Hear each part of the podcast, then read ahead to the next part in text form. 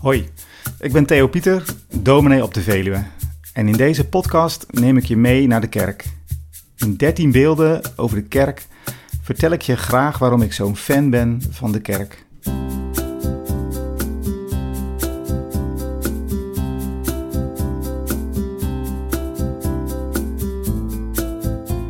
De kerk bestaat al zo lang en is een wonderlijk fenomeen. Een groep mensen die bovengemiddeld vaak vrijwilligerswerk doen op allerlei gebieden. En op zondagmorgen, terwijl heel Nederland uitslaapt, komen ze bij elkaar om te zingen, te lezen uit een eeuwenoud boek en wonderlijke rituelen uit te voeren met water, brood en wijn. Wat is dat toch? Vandaag vertel ik je graag iets meer over de kerk, die ook een werkplaats is. Er wordt geklust, gewerkt in een kerk. Kerk is een werkplaats. En dan vooral een werkplaats van de Heilige Geest. Misschien heb jij niet helemaal echt een beeld van wat de Heilige Geest is. Of eigenlijk moet ik het beter zeggen, wie de Heilige Geest is.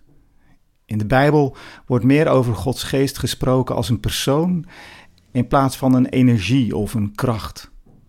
Nee, de Bijbel noemt de Geest van God een persoon die heel concreet aan het werk is.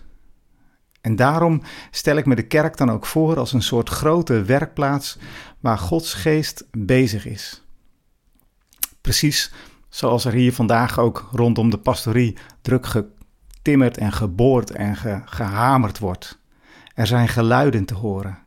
Zo ook in de kerk.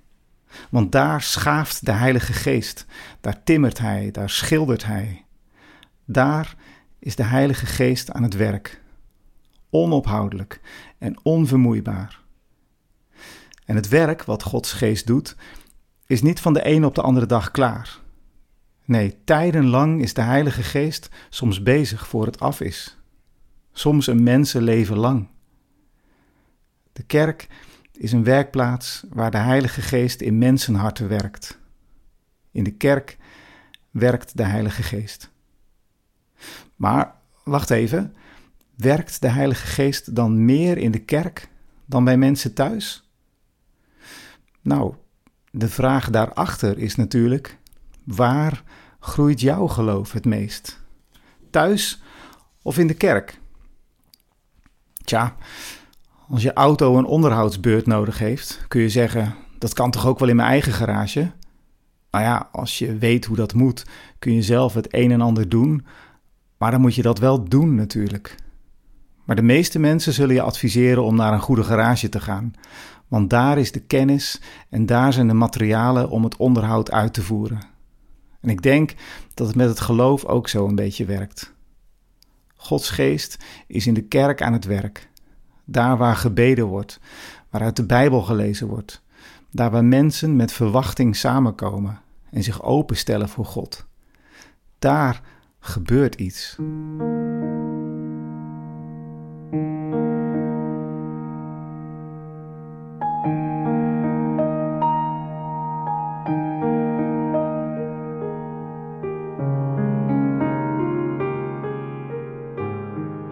Als ik vol kritiek in die werkplaats kom, wordt die kans natuurlijk kleiner. Of als ik meer bezig ben met die werkplaats in plaats van met wie daar bezig is, is het ook lastiger om er iets te ontvangen. Dat is wat ik na tien jaar dominee zijn wel geconcludeerd heb. De mate waarin je iets kunt ontvangen in de kerk heeft vaak veel te maken met je eigen houding. Maar hoe je ook in de kerk komt, als je samenkomt met de gemeente van Christus, dan begeef je je in de werkplaats van de Heilige Geest. En welke instrumenten gebruikt de Geest dan meestal in zijn werkplaats? Volgens mij is het meest krachtige middel de Bijbel. Als die open gaat en gaat spreken, dan gebeurt er iets. Maar er gebeurt nog meer. In de kerk leren we om te breken en uit te delen. In de kerk zingen we samen. In de kerk bidden we samen. In de kerk worden we gezegend. Al die dingen samen vormen het gereedschap van de pottenbakker. In het Bijbelboek Jeremia lees ik in hoofdstuk 18 dat Jeremia een opdracht van God krijgt. Hij moet naar de werkplaats gaan, de stad uit, naar beneden, naar het schuurtje, waarschijnlijk bij een riviertje, waar een pottenbakker aan het werk is. En daar moet Jeremia iets gaan leren. Hij moet gewoon eens kijken hoe die man daar aan het werk is. Een homp natte klei op de draaischijf en dan maar duwen, trekken, ondertussen met zijn voet de schijf laten draaien. En zo ontstaat er langzaam een kan, een vaas, een pot, een schotel, maar net wat de pottenbakker wil. Soms mislukt het. Dan lijkt het wel alsof de klei gewoon niet wil. Alle draaien en boetseren werkt gewoon niet. Het enige wat er dan nog op zit, is dat de pottenbakker een grote klap op het kleiding geeft en weer opnieuw begint. En Jeremia kijkt en luistert in zijn hart naar God. Wat wil God door zijn geest hierdoor tegen hem zeggen?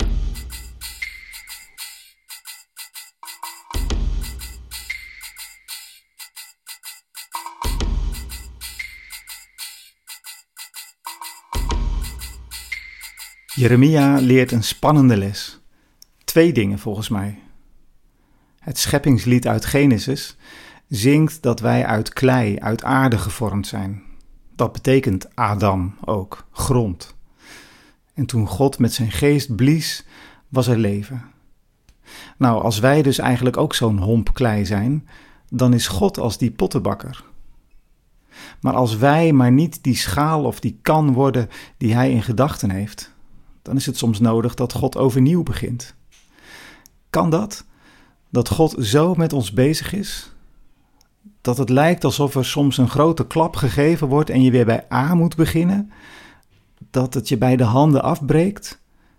Kan dat? Omdat God iets anders in gedachten heeft met jou? Ik vind dat een spannende gedachte. Verontrustend en hoopvol tegelijk. Blijkbaar loopt het soms niet zo goed en is er een andere koers nodig. Moet het de andere kant op? De pottenbakker heeft een andere schaal in gedachten dan de vaas die jij wilde zijn, omdat hij een schaal nodig heeft en geen vaas. Zou dat kunnen? Dat is het spannende wat Jeremia hier leert. En de waarschuwing zelfs. Klei, stribbel niet tegen. Naast die spannende waarschuwing leert Jeremia in dat schuurtje van die pottenbakker ook nog iets heel bemoedigends. En dat is: God is geduldig. God houdt vol. God is aan het werk. God staat niet toe te kijken in je leven hoe jij het eraf brengt. Nee, God zelf is door zijn geest bezig. En nog eens heel geduldig ook. Hij laat je niet alleen aanmodderen, maar is als het ware met het zweet op zijn voorhoofd met jou bezig. Wat een geweldig bemoedigende boodschap is dat.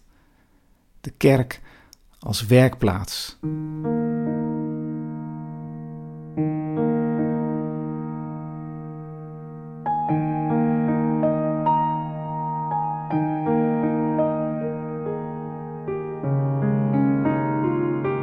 In de sloppenwijken van Peru heb ik ooit geleerd dat de kerk niet alleen de plek is waar je geloof kan groeien, maar dat de kerk zo vaak ook de plek is waar karakters gevormd worden.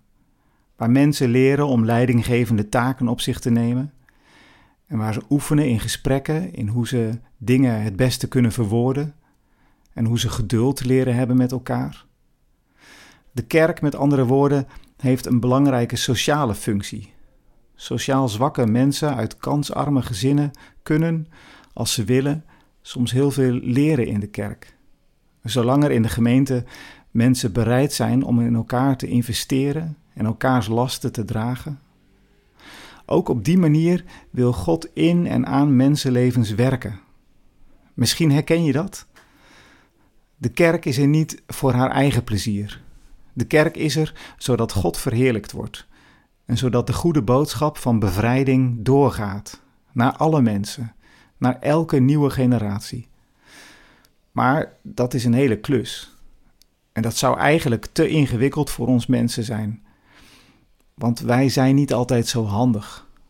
Soms doen we zelfs onhandig naar elkaar of naar de mensen om ons heen.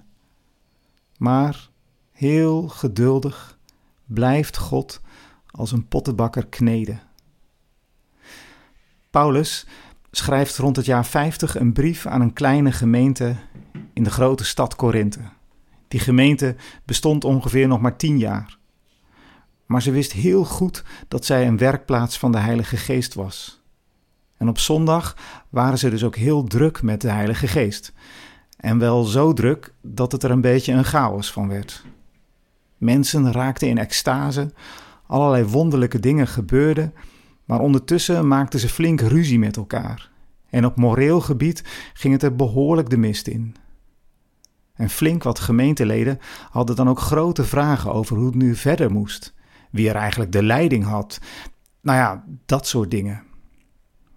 En in zijn eerste brief probeert Paulus daarom een aantal dingen recht te zetten. En hij schrijft dan dat de Heilige Geest iedereen in de gemeente weer andere kwaliteiten geeft. Soms zijn dat heel opvallende kwaliteiten. Andere kwaliteiten vallen niet zo op, maar dat is blijkbaar ook niet zo belangrijk. Iedereen in de gemeente heeft kwaliteiten gekregen. Daar gaat het om. En waar het dan nog meer om gaat, is dat ze gebruikt worden om elkaar te helpen. Paulus legt uit: als de geest gaven geeft, wordt het dan een rommeltje? Nee, maar wel altijd spannend. Want soms gebeuren er dingen die we niet plannen. Dan leidt de geest ons, doordat hij als pottenbakker een smalle hals boetseert, terwijl wij dachten dat de vaas twee handvaten zou krijgen.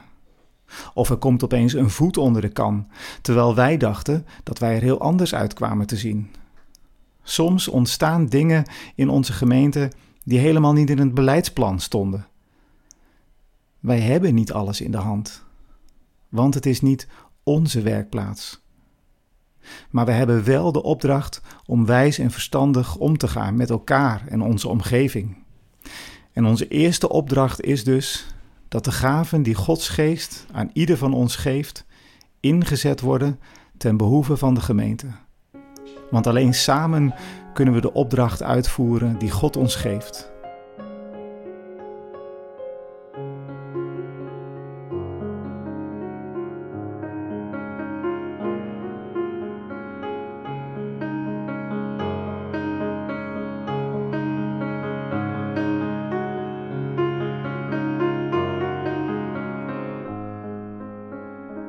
Ik geloof dat de gemeente, de kerk, bestaat omdat God van zijn wereld houdt. En omdat Hij haar wil bevrijden van angst, onrecht, schuld en zinloosheid. En Hij schakelt mensen in om die boodschap over te brengen. Dat is onze opdracht. Desnoods met woorden, zei Augustinus. Daarom is er een kerk. En juist als wij dat doen, wordt God verheerlijkt. Ik vind het heerlijk om daar betrokken bij te zijn, om te ervaren dat mijn leven in een groter perspectief komt te staan, in Gods perspectief. Zo is het ook voor jou wanneer je in de werkplaats van de geest komt. Dan draait het niet meer alleen om jou en je eigen wereldje. In Gods werkplaats mag je het zien en daar mag je het voelen gebeuren, dat er weer stof afgeblazen wordt en je groeit ik hoop dat jij ook steeds weer merkt dat je toch vorderingen maakt. Misschien wel in een proces om van dat nare karaktertrekje af te komen of om te groeien in je geloof. Dat mag gebeuren in de kerk, waar mensen dankbaar hun gaven inzetten voor het werk van de grote pottenbakker. Vraag: Merk jij dat Gods geest aan het werk is? En zo ja, hoe merk je dat dan?